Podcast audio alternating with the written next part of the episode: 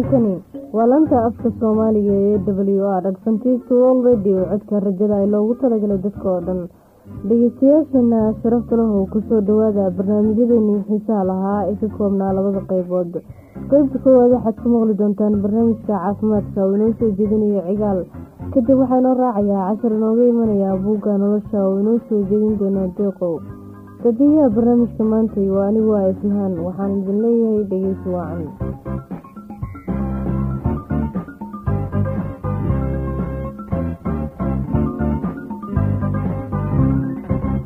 waxaa kaloo nasiib wanaaga waan idinku bashaareyneyna inaad maqli doontaan heesooyin dhigiina u raaxeeya. Dhammaantiin dhegeystayaal waxaynu idiin rajeyneynaa dhegeysi waacan halka aad nagala socotaan waa codka rajada. Haddii aad inoo heysaan wax kalaama tusaale ah fadlan inoo soo qora cinwaankeenu uu dabayeynu kaaga sheegi doonaa. Balse intaynan u guda gelin barnaamijyadan xiisaha leh waxaad ku soo dhawaataan heestan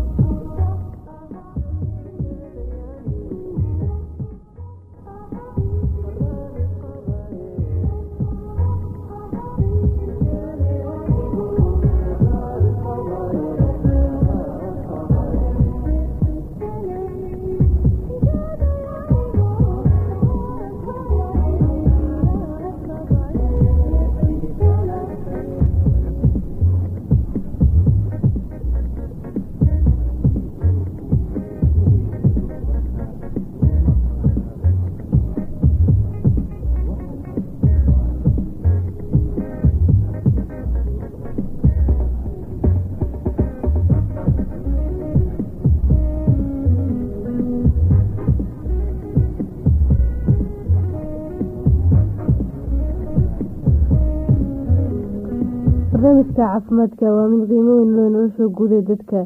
Waxaanan idiin rajeyneynaa inaad ka korsataan waxyaalo badan oo sare u qaadi kara aqoontiina xagga caafimaadka. Waxaa inoo soo jeedinayaa cigaal waxnooga sheegi doonaa fiixda balse intaynan u gudagelin barnaamijka caafimaadka aynu u leexano xaggii heesaha kuna soo dhawaada heestan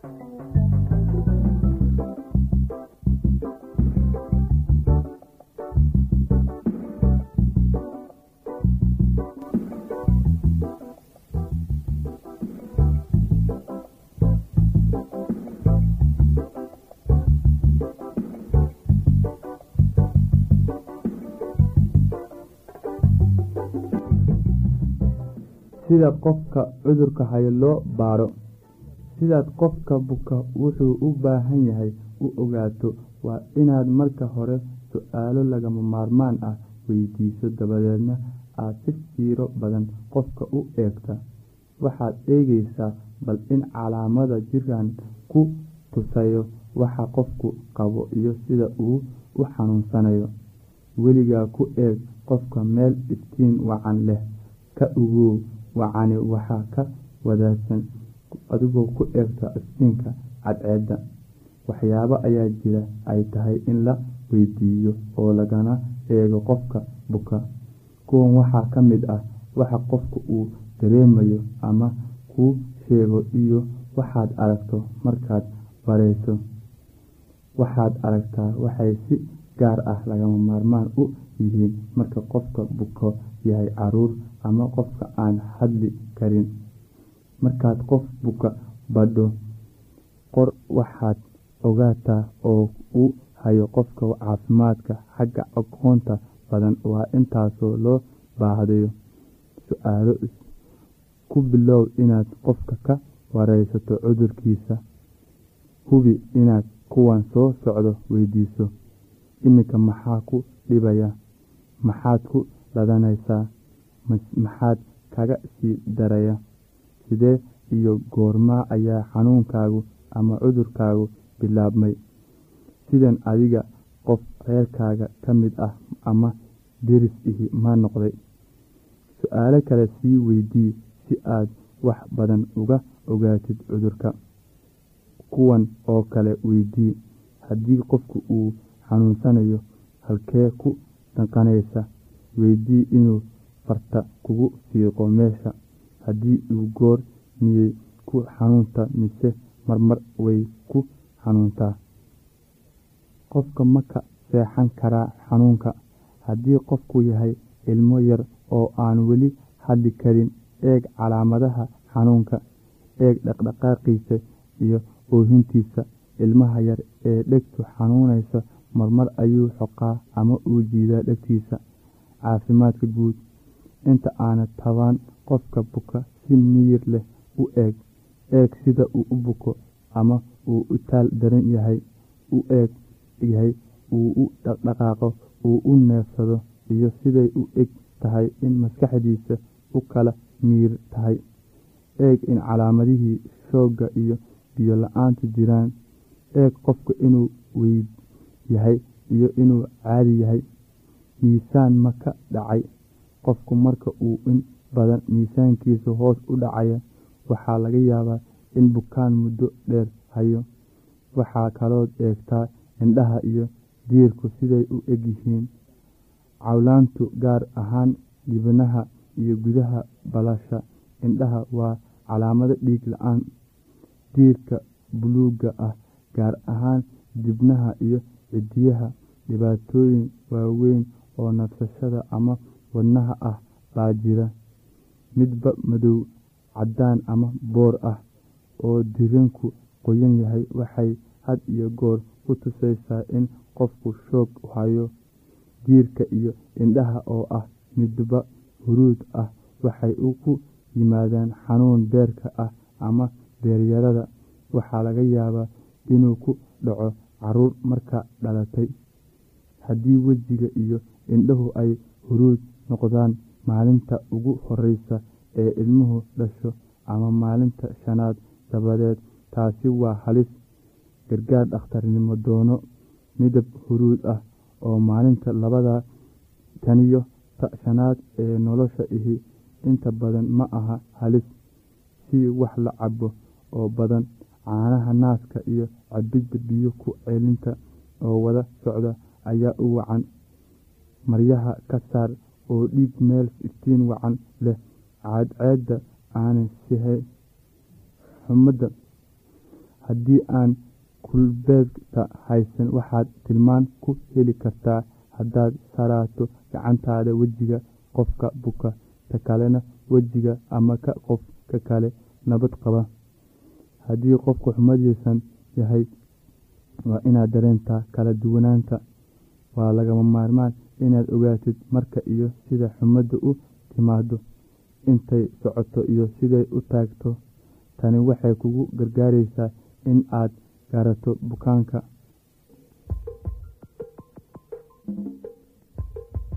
Sidaan horeba idinku sii sheegnay barnaamijka caafimaadka waa mid muhiima marka la eego jiritaanka bini-aadamka. Caafimaad la'aantiisa noloshu waxay gelaysaa khatar waxaan filayaa inaad duxdiinkana faa-iideysateen haddaba haddayd qabto su'aal ku saabsan barnaamijka caafimaadka ama aad doonaysid in waxyaalo lagu kordhiyo ama laga bedelo tafadal nala soo xiriir. Cinwaanka iyaguna waxa weeye codka rajada sanduuqa boosta afar laba laba todoba lix nairobi kenya. Mar labaad cinwaanka iyagu waxa weeye codka rajada sanduuqa boosta afar laba laba todoba lix nairobi kenya. Bal haddana ku soo dhawaada heestan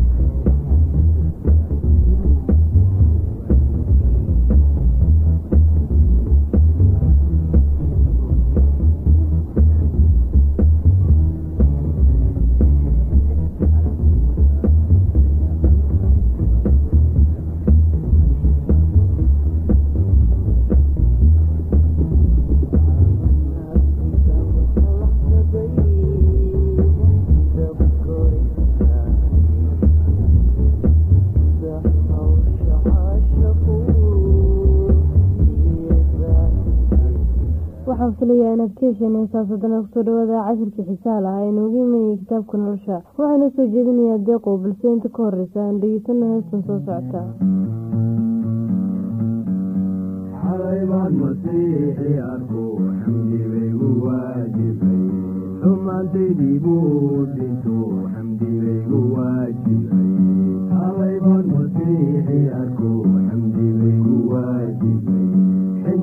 xinjirtiisdiibuu igu dhaqo xamdibaygu waajibay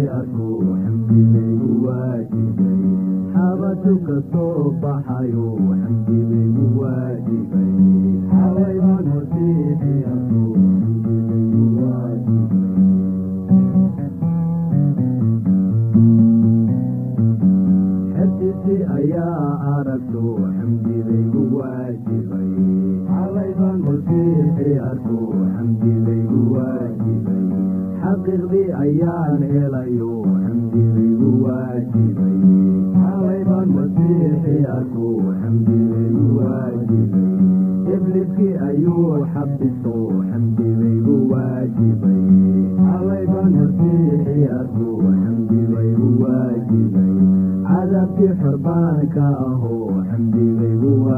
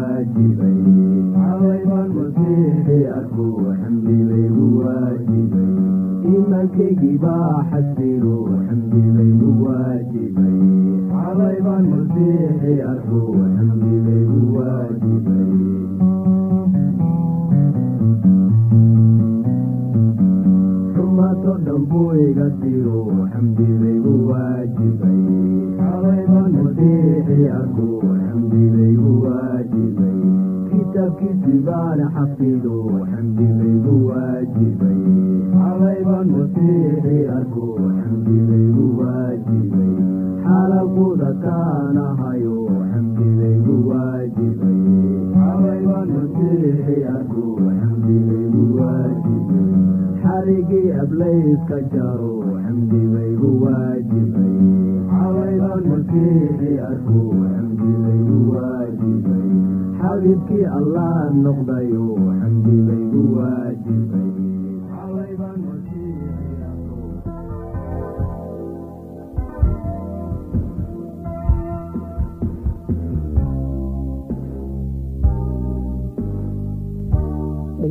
mudan oo ku soo dhawaada cashirkeeni maanta taas oo sidaanu horey idinkaga ballan qaaday casharkeeni ugu dambeeyey markaan gebagabeynayey in aan maanta arki doono wax ku saabsan bawlos imaatinkiisu inuu dib u dhigay.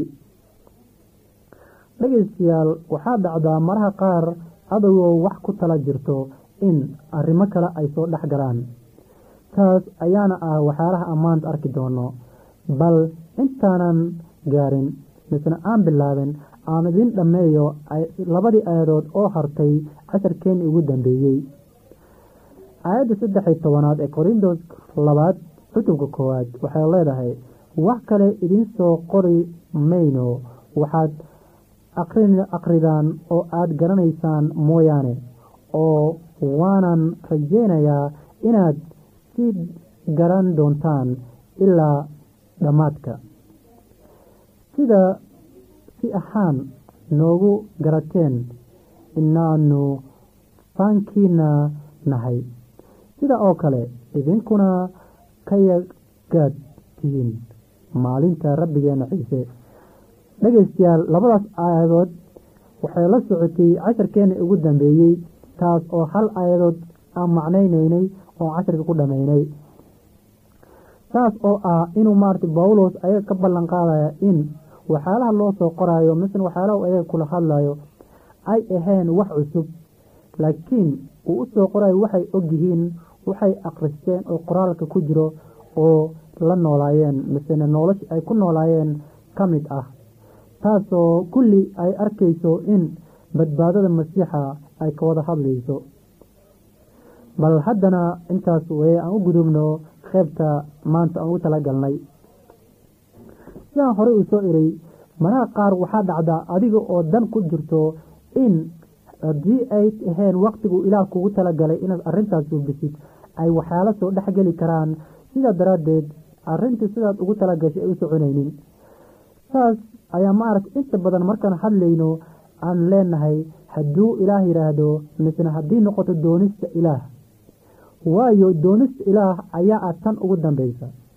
Bini aadanku wuu goostaa laakiin ilaah ayaa kaamilaa arrinta. Bini aadanku waxyaalo badan ayuu sheegi karaa oo horey weli iska sii jiro laakiin ilaahay waqtigiisa kama hormaro kamana dambeeyo. Sida daraaddeed waa arrin ku saabsan waxay maaragtay bawlos dib ugu dhigay arrintii imaatinkiisii ee u imaan lahaa korintos bal aayado ka mid ah aayadaha ka bilaabad shan iyo toban ee cutubka koowaad ee korintoska labaad ilaa cutubka labaad aayadda saddex ayaanu ka akrinaynaa aayadda shan iyo tobanaad waxaa qoran sida tan. Hubaalkaas daraaddiis ayaan doonayey inaan horta idiin imaado inaad barako labaad haysataan. Dhegaystayaal meeshan waxaanu arkaynaa in bawlos ay ahayn marka koowaad uu dadkan uu la hadlay waayo yaa ilaa mar hor waa barakaday ayaga erigiisana uu asaga u baafiyey ayaga wuu haysteen. Sida daraaddeed wuxuu uu keenaya ma aha in haddi la barakadeeyo dadkan laakiin ilaah ayaa barakadeeyey wayna barakaysan yihiin. Taas waxaan ka helaynaa aayadda shan iyo tobanaad. Markuu leeyahay hubaalkaas daraaddiis ayaan doonayey inaad horta idiin imaado inaad barako labaad haysataan aayadda lix iyo tobanaad waxaa qoran sidasan iyo inaan idiin sii maro ilaa makedoniya oo haddana aan makedoniya ka imaado oo aan idin soo noqdo. Idinkuna intaan xagga yuhuudiya ii imtixaamaan amba bixiyaan. Dhegaystayaal amba bixiska aan arrintan ugu hadlayno waxaa waaye bawlos horta wuxuu ka sheekeeyey in maaragtaa soo socodkiisa markuu socday marka hore uu yidhi si degdega ayuu ku jiray. Sida daraaddeed ma uu soo mari karin. Sidaanu casharada laga soo dhaafay aan ugu aragnay. Saa daraaddeed ayuu yidhi waxaan doonaya inaan in muddo idinla joogo. Saa daraaddeed idinma soo mari karo marka aan socdo. Waayo soo noqodka ayaa muhiim ah. Waayo markaas xagga gaara oo soo noqdo wuxuu doonaya inuu ayaga muddo la joogo oona ayaga soo amba bixiyaan sida daraaddeed ayuu u yidhi dib ugu dhigay maaragtay imaatinkiisa. Aayadda toddoba iyo tobanaad waxaa qoran haddaba markaan waxaas doonayey miyey rogrogman? Dhegaystayaal wuxuu meeshan ka hadlayaa rogrogmasho. Waayo wuxuu su'aalay oo yidhi haddaba markaan waxaas doonayey miyaan rogrogay? Miyaa isbabedelay misena miyay wax soo dhex galeen oo dhibaato ah? Ama waxaan goosto miyaan u goostaa sida uu ninka jirka raaca? U goosto inay xaggayga noqoto. Haa haa iyo maya maya. Dhegaystayaal arrimaha qofku ilaah hogaaminayo ma aha qofku inuu keligii ka socdo. Sidaanu horey u soo aragnay qofku hadduu jirka qofku dadka jirka uu yahay waxyaalo badan ayuu ku dhaqmi karaa oo macno lahayn laakiin hadduu qofku ilaah hogaaminayo arrintiis way toosan tahay oo qofku ma rogrogmaayo qofka rogrogmadaa waxaway qof aan toos lahayn oo maar jidka wanaas aan ku soconin. Sida daraaddeed dhegaystayaal waa intaas ilaa waqtigii dambe sida iyo nabadgelyo